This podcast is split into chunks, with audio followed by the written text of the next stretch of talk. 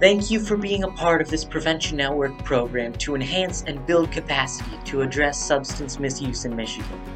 This is Prevention Navigators, a podcast for the SUD prevention workforce. Together, we can shape a future in which all people in Michigan can live a healthy life without the impact of alcohol and substance misuse. Good morning. Joining us today is Sarah Kirkpatrick, our, our PAM coordinator. Sarah has a bachelor in family studies and human development with a focus in psychology from Central Michigan University. She has over 10 years of experience working with children and families of all different ages and backgrounds. Sarah also has experience working with people with both physical and mental disabilities, as well as substance misuse disorders. She spent the last three years as a stay at home mother with her two young daughters. She's currently working toward becoming a certified prevention specialist with Prevention Network. Good morning, Sarah. Good morning. If you're just joining our Prevention Navigators podcast, my name is Ruth Schwendinger, and I get to work with coalitions and community based groups around Michigan. Uh, the purpose of our program here today is to empower people to raise their level of awareness about what supports are out there, to build up our individual networks, and really connect as individuals, as agency representatives, as prevention professionals working in Michigan. But I wanted to share with you too that you're you're in good company. I grew up with alcoholism in the home and um, it wasn't present and in my awareness until I became a teenager. And then it it became much more destructive. And so people can live as alcoholics in functioning ways for a lot of years. Mm-hmm. And then something shifts, the balance changes and the worlds crumble. And yes. so for me, that's why it's personal. I have family, I have um, several friends in recovery, and I know that people can and do recover.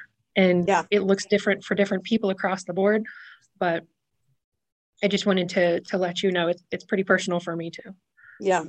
When the pandemic happened, um, you know, the stay-at-home orders and everything. And then in the fall of 2020, I got sick and not with COVID.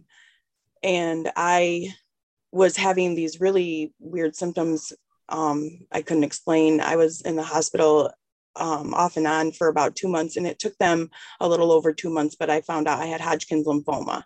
So um, I, which is very treatable, um, but it, that was really scary. And that was kind of the downfall for my husband. Um, I was a stay at home mom and did a lot. And then all of a sudden, my husband was working full time, owned his own business and taking care of the kids, taking care of the house, trying to take care of me. And it just became too much. So that was kind of our whirlwind and our tornado that came in and really disrupted us. Um, so between the stay at home order, the pandemic, and my cancer, um, it just really, you know, became too much for him and all of us, really. Um, I am in remission. I've been in remission since December of 2021. So, yay for that um, and doing really great. I I lost function of my legs and my eyesight. I get, got all of that 100% back, so that was fantastic. I had some rare syndrome um, called paraneoplastic syndrome from the cancer that affects those things, um, and it can affect other things too. I was having seizures that I didn't, I was unaware of, uh, and so that's about the extent of that is I just have to take a medication for the seizures and and I can live with that for the rest of my life. So pretty much I'm back to 100% um, now. I have to watch myself still for my immune deficiencies, but that's okay too, you know? So like I said, when applying for the job, I was just so excited reading the description because I thought, oh my goodness, I can be behind the scenes, but do so much good work still. And really, as a parent, it's important to have these resources available to us. And, and I wasn't even aware of how many resources are available to me. Being in human um, development and family studies, I'm more aware of different things that are available for parents and families but now in the position that i'm in i'm even more aware so knowledge is power and being able to get that out to families and parents is really what i um, am excited about is that that's the goal. That's what I'm most excited about is just having that power to be able to get that knowledge out. That's wonderful. I, I love that description of, of the main purpose of your role. Um, our uh, Michigan Coalition to Reduce Underage Drinking, our MCRUD coordinator said something very similar. It's he wants to make the world a better place for his kids and grandkids, and he wants people to raise their radar, right? Yeah. Raise your awareness, become more aware of, of what opportunities are around you to make the world a better place. And I think a lot of our prevention network programs have that similar underlying tread. Like that's part of our culture. We want to empower people to to do better, to be better, to to have better.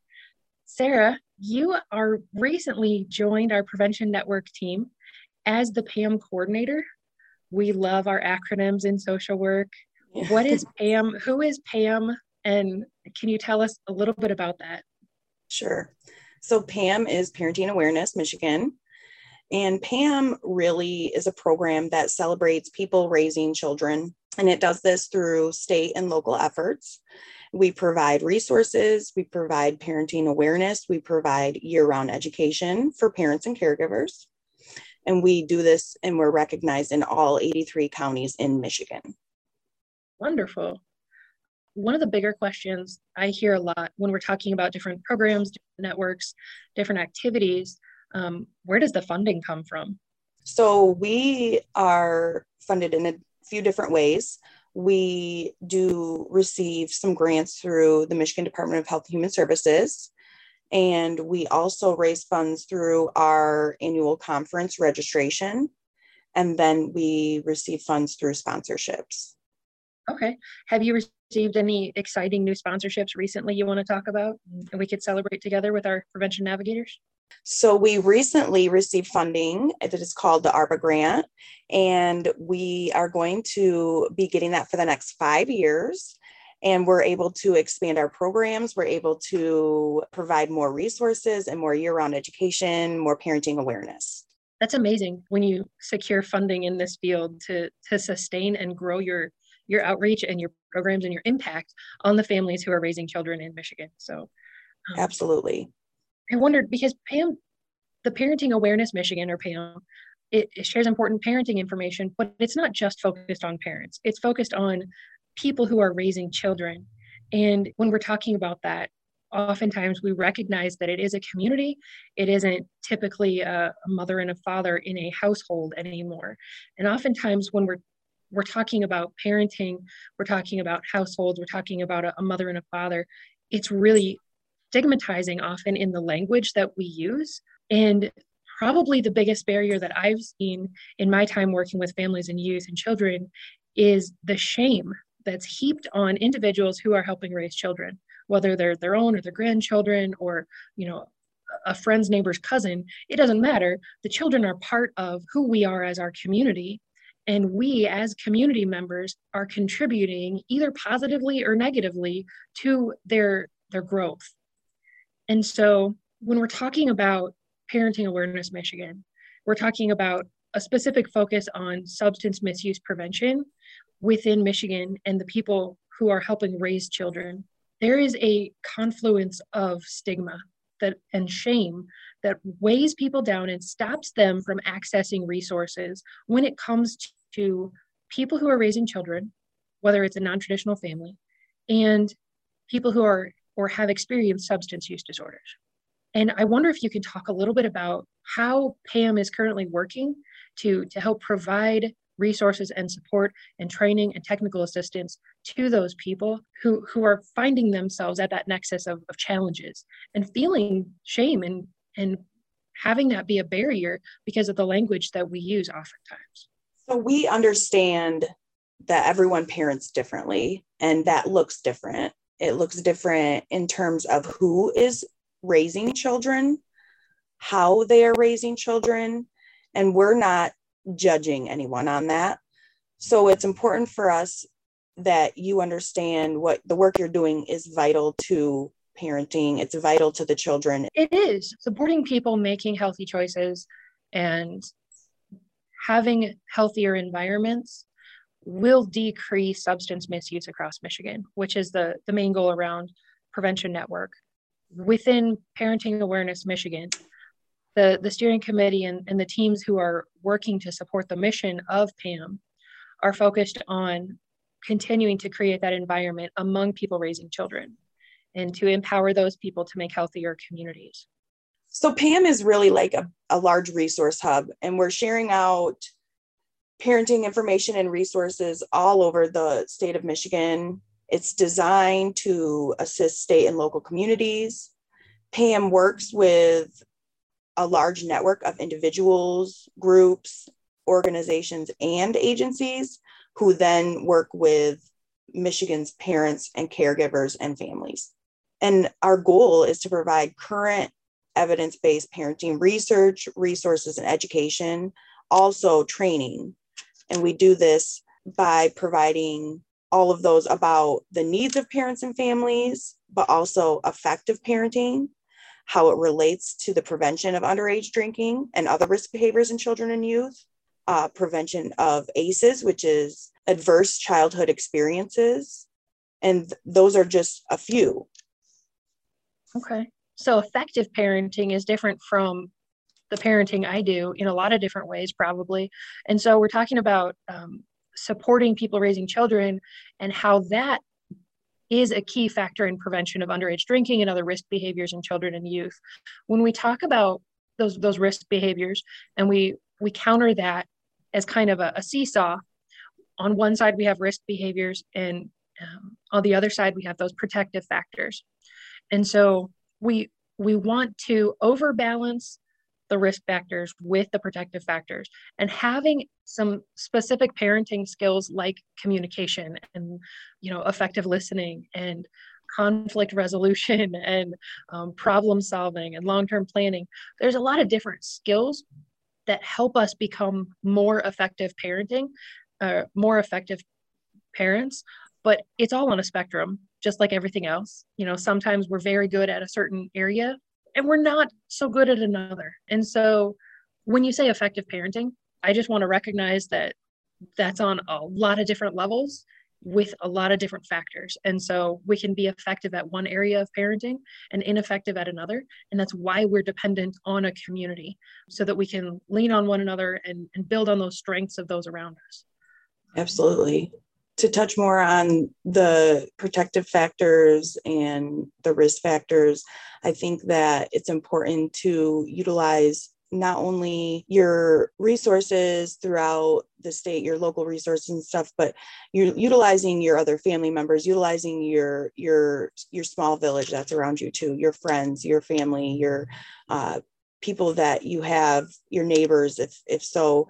There's times when you just need to to take a step back and and analyze what's going on around you and then reevaluate. So oh i don't like being corrected like that sarah. Like that's that rings so true. That resonates with me right now.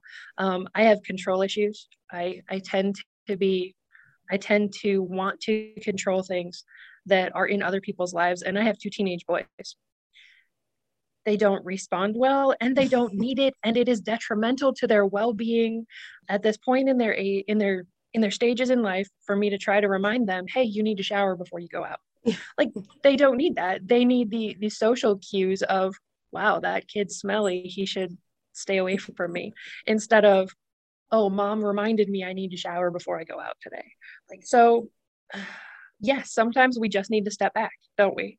And that's mm-hmm. the best thing for everybody and so, a lot of times when we're parenting, and we're talking about parenting supports, we we talk about skills building and lessons and classes and courses people can take to learn the skills and the abilities. And really, at its core, we need to love. Mm-hmm. We need to accept. And at the younger ages, we need to protect and train. But the biggest thing that we need to do as parents is to provide that safe, nurturing environment. Absolutely. And I think a huge part of it is to just be human, be open, be honest, make mistakes, apologize, say you're sorry, um, and and be humble and have humility with your children. I think that's so important. Uh, show them that you are human just like they are because it's okay to make mistakes. It's okay to say sorry or of course you know to apologize but and then to move on. And and we have to teach them you know even to have emotions of course but it's okay to be angry but it's how you use that anger. It's how you show that anger. It's how you behave when you're angry that matters we aren't the goal is to not ever be mad or to not ever have anger. The goal is to have anger in a constructive way. And we need to teach our children that, that so when they grow up to be adults it's it's okay to to be mad and have anger and still remain professional in a professional world or one of my favorite tools as a parent was timeouts. I would use them myself and say no I'm upset. I need a timeout. Yeah. And um, more recently, I haven't done that for a while, but more recently, um, I've been able to have a, a few conversations uh, with Jeff D- Ditzenberger. Jeff Ditzenberger is a mental health advocate who reaches out specifically to our rural communities, our farming communities, and men. And when he's had conversations after giving presentations, often he so- talks with mothers who are trying to be perfect and when we don't show our children or allow our children to see us making mistakes and how we respond to those mistakes, we're really doing a disservice. We're, we're not being effective as parents when we don't teach our children how to deal with failure. And when we're always striving for and projecting an image of perfection, we're damaging our children mm-hmm. instead of empowering them because they don't have realistic expectations. And the best way to have healthy relationships is to have shared realistic expectations. Yes. So that is a great segue into um, something I can discuss with you is my webinar that I'm going to be hosting in September. It's scheduled for September 15th. It is all about open communication and it's diving deeper into open communication in families. And we are going to discuss uh, SUD prevention, prevention of underage tobacco use, drug use, and alcohol use, but also dive into how you can discuss tough topics like sex, drugs, alcohol, parties, what to do at those parties, different things like that, what to do when you're in situations that you're uncomfortable with. And then also kind of tying in how can we have these conversations at different stages in children's lives? So, different age groups and how to really start young so that we can develop comfortable open relationships with our children so that when they're old enough and they're out on their own they're making responsible choices that we're comfortable with as parents. So an example is like when mm-hmm. your children are young and giving them the power to say no not everyone wants to share their toys. And and i'm constantly hearing adults say you have to share. Well yes they do need to share at some point and take take turns right? I like to to call it taking turns because it's a little bit different. That wording is a little bit different. Um, but give them the choice. Do you want to take your turn now or would you like to uh, give them a turn in 10 minutes? Give them that choice. That, that that is power right there. And to a three year old it makes a difference. And then another is saying no to um, showing affection. So uh, like i don't make my children give hugs and kisses goodbye to their grandparents if they don't want to. I'm not forcing them to do that. This is really big about saying no um, especially in when we're talking about sexuality. I want my kids to to learn that they can say no to stuff like that and that their personal space is their personal space. They have boundaries. And if they're not in the mood to give a hug or a kiss, they don't have to. And that's important. And then go, moving forward, you know, it might not seem like it in that moment, but I'm teaching them the power to say no. So when they're teenagers and they're, hey, do you want to try to smoke a cigarette? Have you ever done that before? You know, that could be something. Or when they're in a situation where they could be becoming uh, experiencing their sexuality or becoming sexually active and they're not ready they could be saying no and i'm teaching them that at a young age and and their boundaries you know so that's really important to start young and then so that's what our webinar is going to be about is is different ages and how it's appropriate to start introducing stuff like that and it's going to be really great. I'm very excited. I have a guest speaker coming. Her name is Jen Hines. She is a human sexuality professional. She is a doula. She's um, out of uh, Pennsylvania or P- the Pittsburgh area. She is just wonderful. Um, so I'm very excited about it.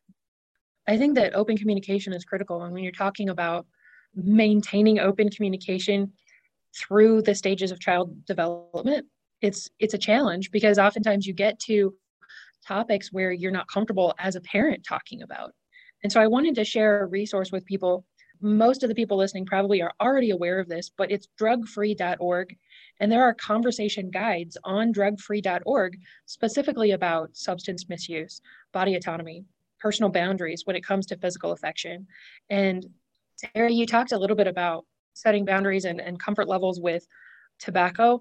And I wonder if you're going to also be addressing marijuana with with that because that's probably the biggest challenge that prevention professionals are seeing who are working with youth and young people at this point. And a lot of people just don't know that marijuana, even when we're talking about vapes, if we're talking about it's just vapor, no, it's not. It's marijuana. Oftentimes there's tobacco involved at toxic doses. And even if we're just talking to three and four year olds about this is poison don't don't put this in your body we're still having those conversations at age appropriate levels and so i really appreciate that you're going to have that you said it's on september 15th and registration will be open soon so i appreciate that and we'll direct people to preventionnetwork.org uh, for more information on that conference and other upcoming training opportunities uh, we are getting short on time we've covered a lot of good things i do want to ask a little bit about the big conference, right? So yes. PAM is having a 30th annual conference on November 7th. Can you tell us um, what to expect at that? What's exciting you about that prospect? Yes. So um, November 7th, it's at the Kellogg Center in East Lansing. It is our 30th annual, so it's a big one for us. This is a huge event, and it's for not just professionals, it's for parents and caregivers also. We have just locked in our keynote speaker. His name is Gary Abud Jr. Gary was voted Teacher of the Year in Michigan in 2014, which is awesome. He is very renowned in the education field and the special education field. So he is going to be talking to us about successism, which is something we kind of touched base about, Ruth, today, so that feeling of always needing to be perfect um, as raising children or always doing something or being busy playing all the sports uh, getting into the best schools colleges preschools even and and how it's affecting our children. And i'm very excited about his keynote. We have three breakout sessions. There will be 12 to choose from. This is a hybrid event so you can attend virtually or in person. How can people connect before the conference, before the, the webinar on September 15th about open communication among families. What are the other ways that people can connect with you, with, with Pam throughout the year? Sure. So anyone can email me. My email is Sarah K at preventionnetwork.org. Uh, you can reach me by phone. You can look at the preventionnetwork.org backslash Pam webpage. I've set up a webpage specifically for the conference also. And you can also check us out on Facebook, Parenting Awareness Michigan. And I post local resources throughout the state of Michigan on there. Um, also, just cool resources for parents throughout the year. So we can join the join the Facebook community. Um, multiple ways to connect with you, Sarah, as our PAM coordinator, and and you can connect people with with helping navigate some of those resources that are out there, that, that wide sea of resources we have for people raising children. You've got it all at your fingertips, I'm sure, or you, Absolutely. or you can work to find it.